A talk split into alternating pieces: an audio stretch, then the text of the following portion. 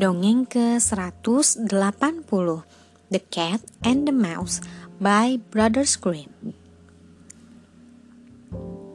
Now this is the tale of a wily cat and a foolish mouse. The mouse lived in a bare mouse hole under the pulpit in a church. The cat lived on an old cushion in a vestry.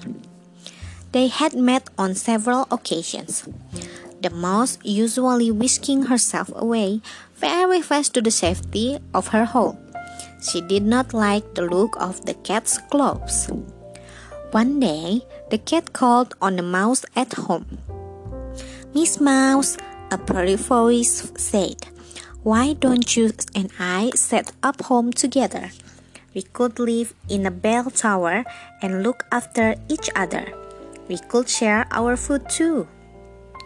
The mouse thought about this carefully. She had never been fond of cats ever since her great grandfather had been supper for the farm tomcat, one called Frosty Night. But she could see that there would be benefits. The cat had a nice smile on his face, so she agreed. They put their savings together and bought a pot full of fat for the winter. The cat said he would hide it away safely under the altar where no one ever went, and so it was done. They both promised not to touch it until the weather became really bad. The mouse went about her business, quite happy in her new home, although she found the stairs wearisome. But the cat could not stop thinking about the pot of fat, so he thought up a plan. My cousin has just had a kitten, he told the mouse, and she wants me to be a good cat. Should like to go to the christening. Would you mind? Not at all, Mr. Cat, said the mouse. I have plenty to do today. But the wicked cat went straight to the pot of fat and ate the top off. Then he went to sleep for the rest of the day. When it was evening, he stretched and strolled back up to the bell tower. Did you have a nice time? asked the mouse. Oh, yes, very nice, said the not very nice cat. And what is the kitten called? Topoff, replied the cat. Topoff? asked the mouse. That is a very strange name. Still, I suppose cats have different family names. And she went on with the, her work.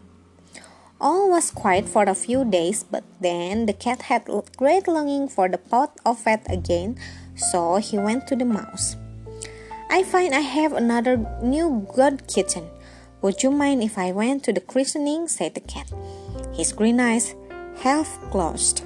Another god kitten? said the mouse. My, my, you do have a big family. And the beastie cat slunk off and ate up half the pot of fat. When he sauntered back up the stairs that night, the mouse was waiting.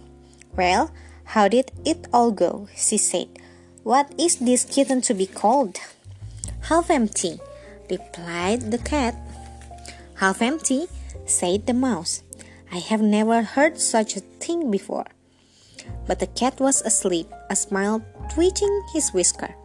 Well, as you can imagine, it was not long before that greedy cat wanted some fat again. Miss Mouse, just imagine, I have yet another god kitten. I should really go to this christening too, he said. Miss Mouse thought it all very strange, but she was a kindly creature, so she waved the cat off to yet another christening. The cat, of course, just scuttled downstairs, slid under the altar, and licked the pot of fat quite clean. He came back very late that night.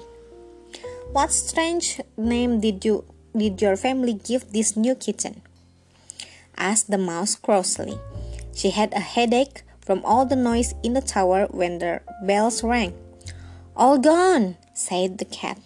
Top off, half empty, and now all gone the mouse they said in disbelief. Well, I am glad I am not a member of your family.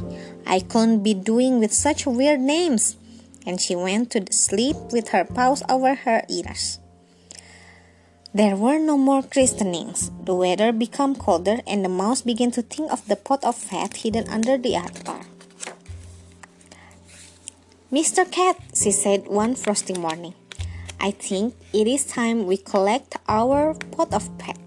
I am looking forward to lick. We'll see about that, thought the cat, but she padded downstairs behind the mouse. She reached under the altar and brought out the pot, but of course, when she looked in, it was all empty. What a foolish mouse I have been, she cried. Now I see what a wicked cat you have been. Top off, half empty and all gone indeed. Such is the way of cats, said the cat, and he grabbed at her with his paw. But she was too quick for him and dived back to her dear little mouse hole. Never again did she trust cats. Sekian, terima kasih telah mendengarkan. Selamat malam.